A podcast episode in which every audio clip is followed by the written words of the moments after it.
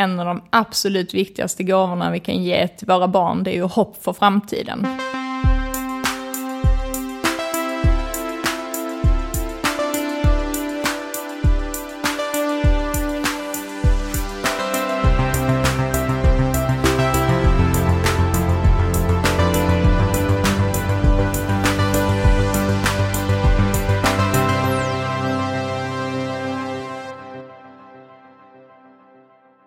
Då ska vi hjärtligt välkommen tillbaka till Heja Framtiden, podden med mig, Christian von Essen.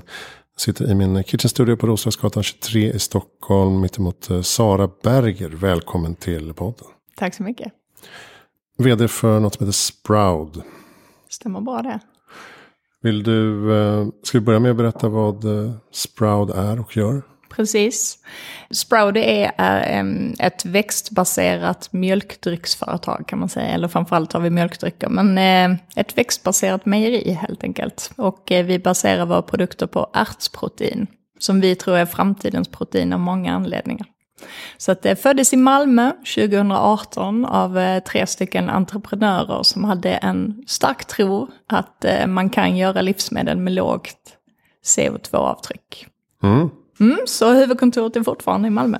Just det, och du är i Stockholm idag för lite möten och sånt. Exakt. Jättekul. Vi har ju varit på telefon tidigare eh, i förbindelse med eh, det här magasinet Framtidens hållbara matsystem som ni medverkar i. Jätteglada för det.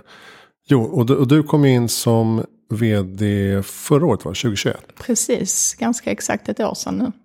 Men du har jättelång erfarenhet inom just eh, livsmedelsindustrin. Mm. Vad har du gjort tidigare? Var på storbolag och småbolag? Mm, Ja, både och faktiskt. Så att eh, gemensam nämnare är ju mat. Så att eh, jag har jobbat med mat i över 20 år. Och eh, började för ja, drygt 10 år sedan jobba väldigt mycket med eh, omställningen mot grön mat kan man säga. Då på den tiden var jag på Findus. Ehm, och sen har jag gjort det i lite olika roller. Innan jag kom till Sprout så var jag vd på Sydgrönt som är ju ett eh, grönsaksföretag i Helsingborg i fyra år. Ehm, men jag tror gemensam linje har alltid varit att jag brinner för bra mat och ehm, miljön är ju en jätteviktig del i det. Så, att, så det är min bakgrund från början. Så jag har varit på stora och små bolag. Mm. Och eh, vi kanske ska hoppa in där i ärtproteinet på en gång. Då. Vad, vad är det som gör att just ärtprotein är så bra att använda och varför lämpar det sig just för en mjölkdryck? För jag, jag vet inte, det finns inte så många andra ärtdrycker. Inte i Sverige, men det finns ju några stycken utomlands. Men ärtproteinet är ju intressant av många anledningar. Framförallt så eh, är det ju väldigt bra för miljön att odla det. Eh, om man tar tillvara på på hela proteinet. Eh, och framförallt så kan du jobba väldigt mycket med smakprofilen i, eh, eh, med hjälp av ärtprotein. Då. Så du får ju fantastiska köttersättningsprodukter men också då en mjölkdryck som är väldigt neutral och fin i smaken. Och tycker vi liksom nästa generations eh, växtbaserade dryck. Och jag tror det verkligen är viktigt att man tänker så i att eh, förändra människors eh, vad ska man säga, konsumtionsval till att bli mer eh, hållbara, då måste smaken vara central. Och där är ju ärtproteinet outstanding skulle jag säga. I det.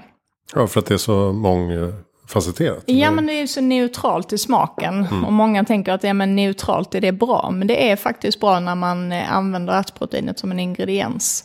Så det, och det är ju många bolag som gör det världen över. Beyond Meat är ju en som har verkligen gått i bräschen för att eh, eh vad ska man säga, förändra och förädla hela köttersättningsindustrin. Och eh, är ju perfekt att använda även för mjölkdryck och mejeriprodukter i allmänhet. Mm. Jag smakade er den här um, iskaffen. Ja, uh, vad tyckte Salty du? caramel. Gillar du den? Svingod. Ja, eller hur? Köpt den flera gånger. Ja, jag tycker också den är helt fantastisk. Jättestolt över den. Verkligen. Uh, och uh, ni jobbar ju precis som, nu ska vi inte nämna konkurrenter, men uh, Oatly mitt kaffe här. ni jobbar med en stark varumärkesprofil. Och vi pratade innan här om att Även fast man vet vart man ska så är det ganska, tar det lite för lång tid ibland att förändra folks beteenden och konsumtionsmönster. Du, och du sa att det är någonting du jobbar med liksom dagligen. Verkligen. Är det en frustration eller en, triggas du av eh, den här liksom, kampen att uh, ja, det gör jag ju. kämpa mot ja, en bättre verkligen. värld. Och det är, ju, det är ju en av anledningarna till att jag, eh, jag tog det här jobbet. Det är ju att det en ynnest att få arbeta med bra livsmedel på detta sätt, som är bra både för människa och planet.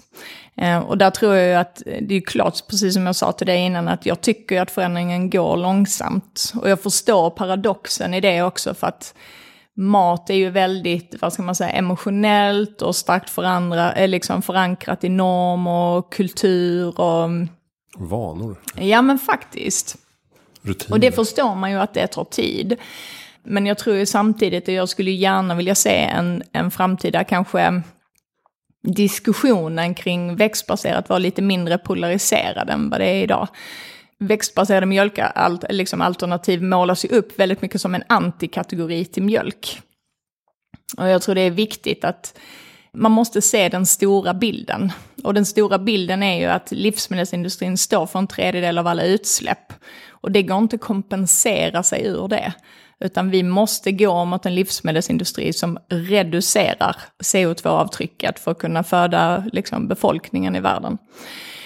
Och ibland tappar man liksom den stora bilden när allting, tiden går åt till att på något sätt eh, försvara där vi är. Och, och då blir det ju lätt en polariserad debatt istället för att försöka se den stora bilden. Ja, du menar att vi behöver alla verktyg i lådan som vi kan få? Ja men precis, och prata kring det på ett väldigt eh, inspirerande sätt tror jag. Och därför tror jag det är viktigt också för oss på Sprout att eh, vi, vi finns inte för att, att liksom trycka ner mejeriindustrin. Men vi samtidigt konstaterar fakta att vi kan inte hålla på eh, att liksom dricka mjölk och äta kött på den nivån som vi har gjort i västvärlden idag. Det är ju bara ett eh, liksom, vetenskapligt faktum. Men däremot har det sagt så vill vi ju göra det på ett positivt sätt. Att liksom verkligen visa våra konsumenter att det finns alternativ som smakar fantastiskt gott. Det är ingen uppoffring att, att liksom öka din andel växtbaserat. Um, och, och mer prata liksom om det på ett inspirerande sätt. Jag tror det är nyckeln verkligen för att komma förbi den här polariseringen där. Det är mycket, mycket debatt om varat och icke varat och liksom bevarandet av det livsmedelssystem vi har idag. Så. Och ni finns ju på ett antal marknader idag. Eh, Hur, hur ser expansionen ut i dagsläget? Mm. Men vi är ju som sagt ett svenskt bolag, väldigt stolta över vårt svenska arv. Eh, finns i Malmö med vårt huvudkontor och eh, har ju började tidigt expandera ut i eh, Europa. Så att vi försöker ju bygga ett eh, på något sätt globalt foodtechbolag direkt från start. Så att vi var rätt så snabba in i England, eh, vi levererar till många europeiska länder, även export till Asien eh, och till USA och Kanada. Så att eh, fortfarande ett startup, men eh, med ett väldigt tydligt erbjudande till våra konsumenter. Som då redan har tagit oss till 28 länder. Ja, det är otroligt. Mm. Ni är bara 25 personer. Ja, men precis, exakt. Men att komma in på marknaden är en sak, men att liksom eh, hitta sin målgrupp och vardagsrutiner och omvända konsumenter på något sätt. Det är ju eh, nästa utmaning så att säga. Ja, men så är det verkligen. Hur, hur gör ni för att aktivera målgruppen? Jag, jag kan tänka mig att ni har en något yngre urban eh, målgrupp. Precis. Ehm, Det är ju så här, tittar man till, eh, lite som jag sa tidigare, att, att eh, växtbaserad mjölkdryck är ju inte längre en, eh, en nischkategori, det är ingen antikategori, utan man ser ju redan i, i Sverige idag att 45% av alla hushåll köper en växtbaserad mjölkdryck. Eh, och ser man till unga så är det nästan mellan 66 och 70 procent. Så så kategorin, mycket. ja det är så mycket faktiskt. I synnerhet eh, människor under 30. Så vi kan ju se ett väldigt stort skifte mellan unga och äldre i detta. Och det viktiga som jag tror det är ju att veganrörelsen finns ju över hela Europa egentligen. Och den var ju väldigt snabb att ta till sig Sproud för att man tycker att det är nästa generations växtbaserade dryck. Och så är det verkligen en helt annan munkänsla, neutral smak. Eh, och det har gjort att den snabbt blev väldigt populär. Den viktiga förändringen som jag ser det är ju att försöka komma in även hos flexitarianer, hos en, en liksom större publik. Och det tror jag framför allt handlar om att inspirera och sen är det ju såklart visa att vi finns, prata om vårt erbjudande, men också att prata i positiva eh, termer om skiftet som behöver hända. Den yngre generationen är ganska långt framme i det skiftet redan. Så att det kommer ju hända det ganska mycket det. framöver då. Precis. Sen är det lite som du och jag inledningsvis sa här, det är ju att vi har ju lite tiden emot oss också vad det gäller att reducera CO2-utsläpp. Så ser man i det långa loppet så är det ju väldigt hoppfullt i den, att, att liksom den här förändringen drivs väldigt mycket av den unga populationen. Men det är viktigt också att visa på eh, vad ska man säga, innovationsbredden som finns. Det är ju väldigt många innovativa unga bolag, foodtechbolag som föds inom den växtbaserade sektorn. Och som har en stor påverkan, skulle jag säga, till, till industrin i sin helhet. Och det tror jag är viktigt, att trots, trots att du är en liten aktör i en värld som är eh, väldigt driven av stora bolag, för det är matsektorn, mm. eh, så spelar små bolag en väldigt viktig roll. Ja, men det tycker jag faktiskt man ser mer och mer eh, i arbetet nu med eh, framtidens hållbara matsystem till exempel. Man ser fler och fler exempel på eh, samarbete och samverkan mellan de riktigt stora koncernerna och små foodtechbolag för att de har en helt annan liksom, teknisk nisch som de stora inte har tid med riktigt att utforska. Och därmed kan de, kan de samarbeta istället. Och jag tror en sak till är ju att när man startar ett bolag från ett vitt ark och kan verkligen börja från början genom att titta i eh, framrutan utan att hålla på att titta i backspegeln hela tiden. Vilken utrustning har vi? Hur har strukturer sett ut tidigare? Utan verkligen starta från början. Då tänker du på ett annat sätt. Du bygger en annan typ av bolag.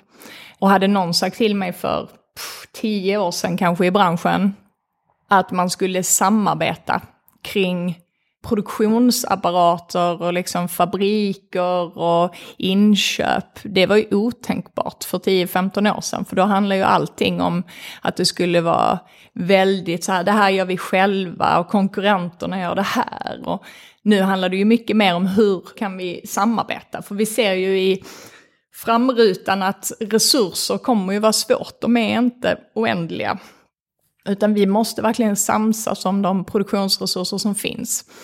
Och då hamnar vi i ett läge där du öppnar upp för samarbeten på ett helt annat sätt än vad livsmedelsbranschen har med sig historiskt sett. Mm. Och där tror jag, är du då fri från struktur som till exempel ett bolag som Sprout är, där vi startar från början ett vitt ark, här är människan, här är planeten, hur vill vi göra det absolut bästa erbjudandet för både människan och planet då börjar du tänka i helt andra banor än när du sitter liksom i en fast struktur. Det känns som att uh, foodtech-branschen är, jag tror, du, jag tror du nämnde det i vår intervju också, att det finns ingen roligare tid än nu. Att ja men det är så jobba fantastiskt, ja men verkligen. Det är som en perfekt storm av uh, innovation och uh, startupbolag och investeringar och allt möjligt. Men menar, är det liksom politiken som saknas där? Eller vad, vad skulle krävas för att uh, få ännu bättre sprutt på det hela? Sprout på det hela? Sprout, Sprout på det hela. Nej, men jag har ju varit i den här branschen i 20-22 år och jag ser ju ett stark, en stark förändring, att det kommer in kapital också på ett annat mm. sätt um, i denna branschen nu än vad det har gjort tidigare. Ja, mat är ju coolt. Ja, men och jag tror alla inser också att, uh, att uh, vi har ju haft årtionden bakom oss där mat har varit billig.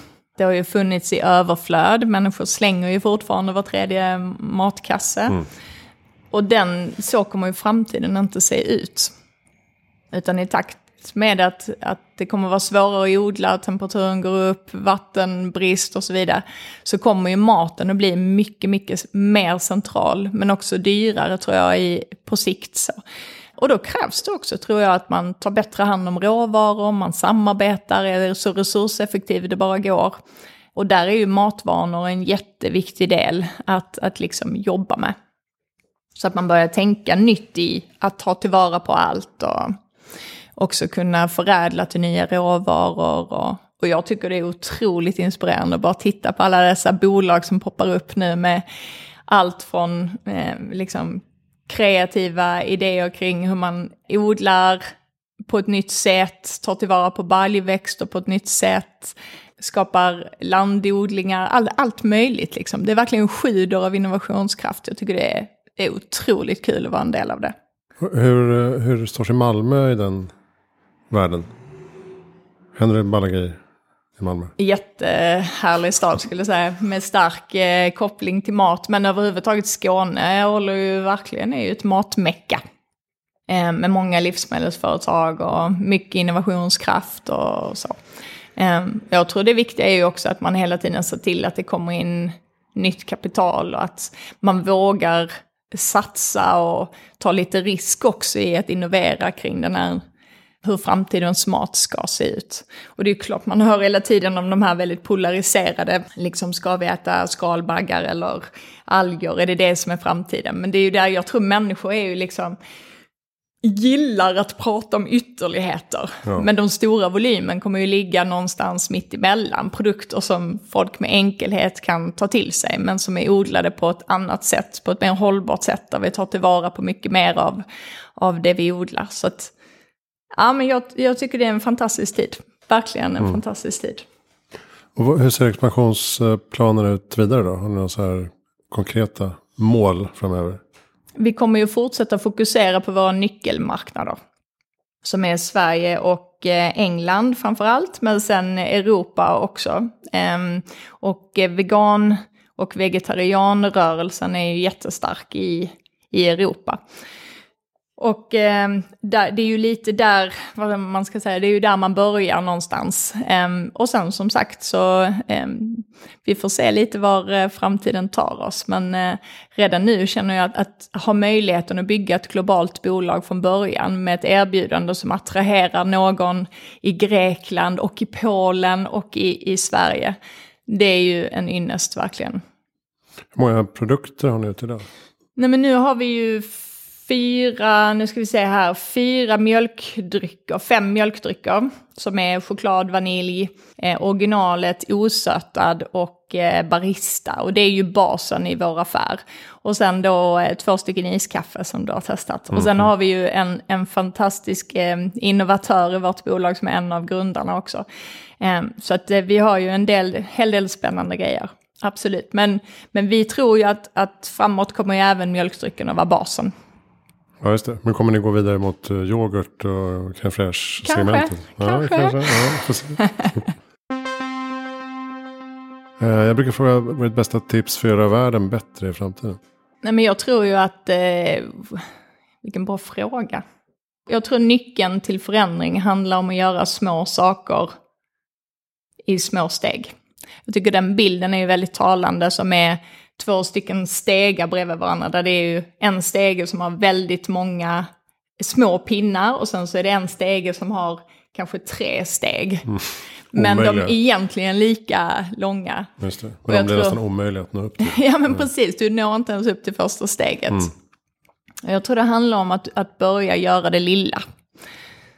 Ehm, och att man tror också att, att ett litet beslut inte får så stor påverkan, men det får verkligen det. Så, och där tror jag att, att eh, det är ju, att istället för att känna att det är ouppnåeligt så ska man tänka hur kan jag börja med någonting nytt eller göra någonting annorlunda.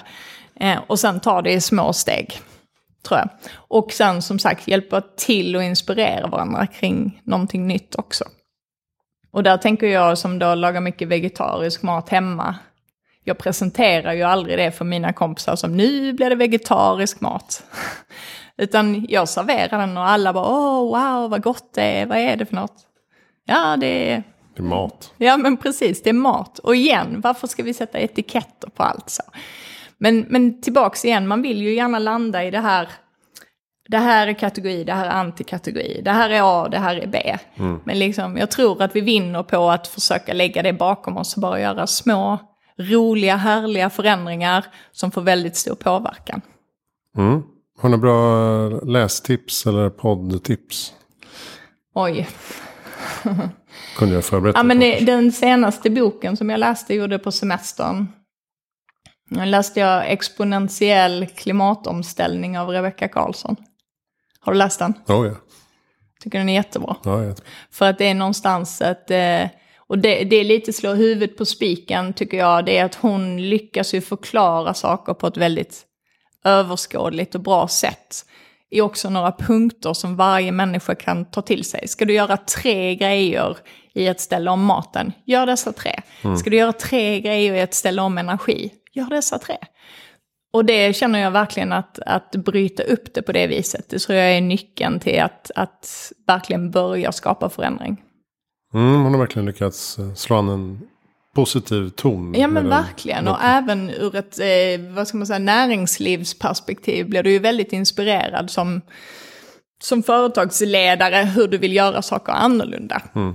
Men också att man förstår hur, eh, vad ska man säga, hur snabbt förändring skulle kunna gå. Det, ja, men jag tycker verkligen hon har lyckats. Så det, mm. det är nog mitt bästa lästips just nu. jag anmälde mig precis innan du kom till hennes release för uh, den engelska versionen. Jaha, kul. Som nu har kommit från tryckeriet. Ja, och får ge till mina engelska Så kollegor. Så ut i världen. Är tanken. Ja, men det är bra. Men jag tror det, det är verkligen nyckeln också. Att göra det lättförståeligt. Och roligt. Um, roligt, enkelt, förklara det på ett bra sätt. Um, med det kommer man långt. ja, jag tror inte man ska underskatta heller. Eh, det är fult att säga i dessa dagar, men hoppet. Alltså att faktiskt tro att det är möjligt. För det... annars så kan man ju lika gärna skita i det. Ja, men det är ju så viktigt. Och där tror jag just det här att, eh, att fortsätta inspirera, kämpa, tro på en bättre framtid är ju så viktigt. Och i synnerhet, jag tänker på det som har, har barn själv i tonåren som ställer många frågor kring hur ska framtiden se ut, hur ska världen se ut. Det är ju en av de absolut viktigaste gåvorna vi kan ge till våra barn, det är ju hopp för framtiden. Och där tror jag också det är jätteviktigt att inte landa i att, ja barn, nu är det ni som ska fixa det här. Nej, det är inte de som ska fixa det här. Det är ju vi som ska göra det i våran närtid, för det handlar ju om, om förändringar som måste ske de närmsta åren, de närmsta fem, tio åren. Och ganska stora förändringar. Så att eh, nej, men hoppet är ju otroligt viktigt faktiskt. Och det skapar ju också, tycker jag, inspiration att jobba vidare. I ett så värderingsdrivet bolag som Sprout till exempel, det attraherar ju väldigt många medarbetare som brinner för samma sak. Mm. Såklart. Och det är ju drömmen om en hållbar framtid och det är så viktigt för mig att jobba med detta. Faktiskt. Mm. Jag känner att det är, det är viktigt att, att bidra till, till en bättre värld. Jag är helt säker på att vi kan, jag, jag är så, jag, jag tror på människan. Jag tror att vi kan bättre. Jag tror verkligen det. Vi är väldigt nyfikna, innovativa, eh, duktiga på att liksom sprida kunskap, eh, inspirera varandra, samarbeta. Det, det, det är viktigt. Mm. Det är dags också att uh, ta sig bort lite från nollsummespelet. Att jag ska ha min bit av kakan och du får inte din. Precis. Ungefär. Exakt. Att det finns en kaka. Exakt.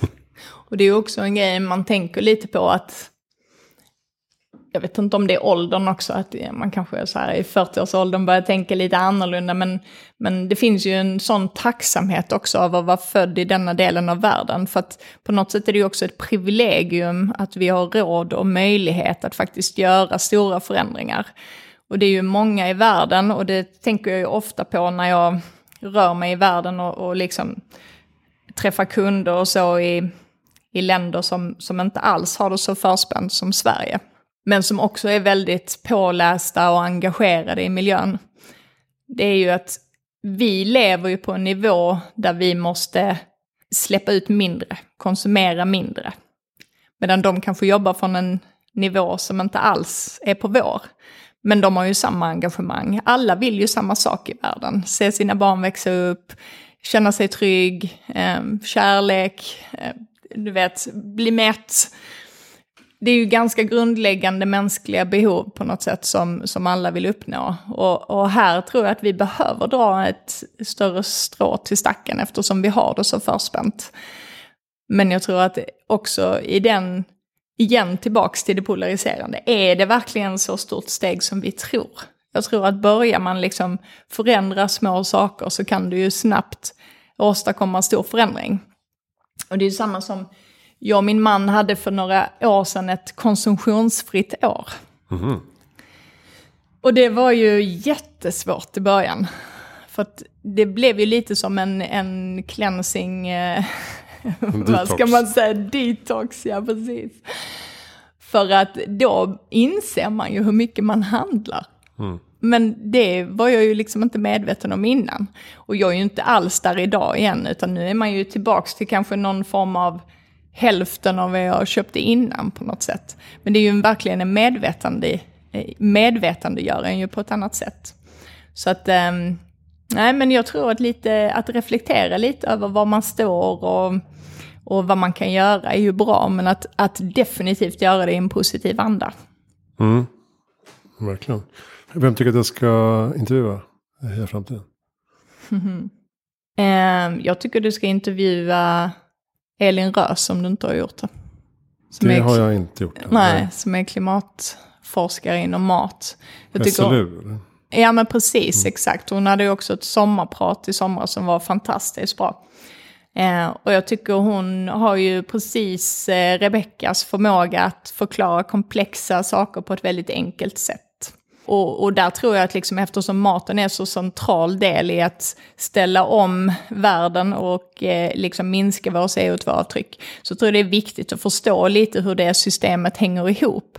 Och jag tycker hon förklarar det på ett, eh, ett formidabelt sätt. Så att eh, henne tycker du ska ha som gäst. Mm. Ja, men det har jag faktiskt tänkt. ja.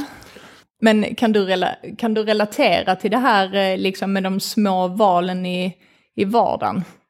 För att det blir ju lite... Mm, Inkrementella förändringar. Mm. Mm, absolut. Eller iterativa utvecklingssteg. Jo men det tror jag absolut. Det ser man ju i all litteratur kring beteendeförändringar och nudging och vanor och sånt mm. som jag tycker är väldigt spännande. Och just jag gillar också den här eh, illustrationen med eh, ett upphöjt till 365 är ju fortfarande ett så att säga. Det är samma sak hela tiden. Om du har 1,1. Alltså ändrar en liten eh, andel av eh, ditt liv varje dag. Så blir det ganska, ganska drastiska förändringar mm. på 365 dagar. Precis. Och det är lätt att avfärda eller glömma bort. Eller mm. så här, inte orka hålla i. Men då har man kanske tagit i för mycket. Precis, tagit ett för stort eh, trappsteg. Ja, precis, apropå ja. stegen. Ja, just det. Exakt. Och det är nog ganska vanligt att man tänker att jag ska springa tre dagar i veckan Exakt. sjukt långt. Och så går det inte första veckan och så skiter man i det. Exakt. Men förändring är ju det svåraste och just det här att skapa nya vanor är också jättesvårt. Så att um, Ja, men jag verkligen tror jag att nyckeln handlar om att bestämma sig för att göra en grej och sen när det har blivit en vana så göra nästa grej. Mm. Istället för att, att pendeln ska svänga helt. Mm. Vi ska avrunda där. Lycka till med detta vidare. Tack snälla Sara Berger för att du kom till Heja Framtiden. Tack så mycket. Um, kolla in sproud.com kanske? .se? .se. Sproud.se. Där kan man läsa mer om uh, hur ni jobbar och eh, vad ni behöver för eventuell kompetens i framtiden. Och Absolut. vilka produkter som eh, finns ute i handeln. Och eh, vår intervju i textform från juni här finns på framtidenshalvbara.se. Där finns hela magasinet Framtidens hållbara matsystem och även alla artiklar kommer upp successivt i bloggform kan man säga. Hejaframtiden.se, där hittar du eh, mina andra projekt med föreläsningar, eh, bokförlaget eh, som jag driver nu och ehm, lite andra bloggar och magasinprojekt. Ett Christian von Essen, tack snälla för att du lyssnade.